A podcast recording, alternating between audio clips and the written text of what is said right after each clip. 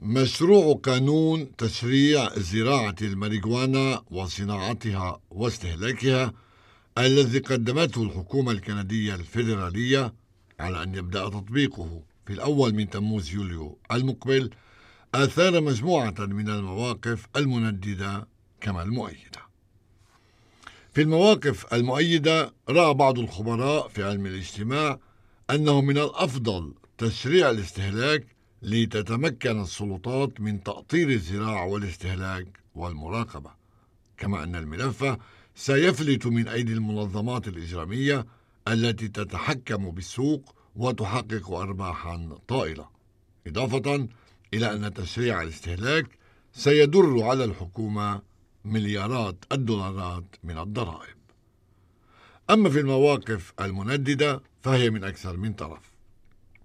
الشرطة التي عبرت عن خشيتها من عدم تمكنها من ضبط الزراعة والبيع والاستهلاك سيما وأن الاستهلاك سيرتفع تماما كما كان حال تسريع استهلاك الكحول.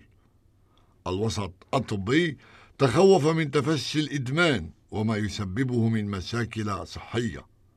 الأوساط التربوية تخوفت من انتشار الاستهلاك بين الشباب والمراهقين بالرغم من تحديد عمر معين للسماح باستهلاكها إضافة إلى أن المنددين اعتبروا الفترة الزمنية المقررة لن تمكنهم من تأطير القانون نظرا لتشعباته وتبعاته وانعكاساته على الحياة اليومية. وكانت الحكومة الكندية صمدت في وجه المطالبين بتمديد المهلة حتى الآن لكنها اضطرت اليوم تحت إصرار ومطالبة مجلس الشيوخ للتمكن من دراسته بصورة معمقة فمددت المهلة دون وضع وقت محدد وعلى الأرجح أن يكون في نهاية الصيف المقبل.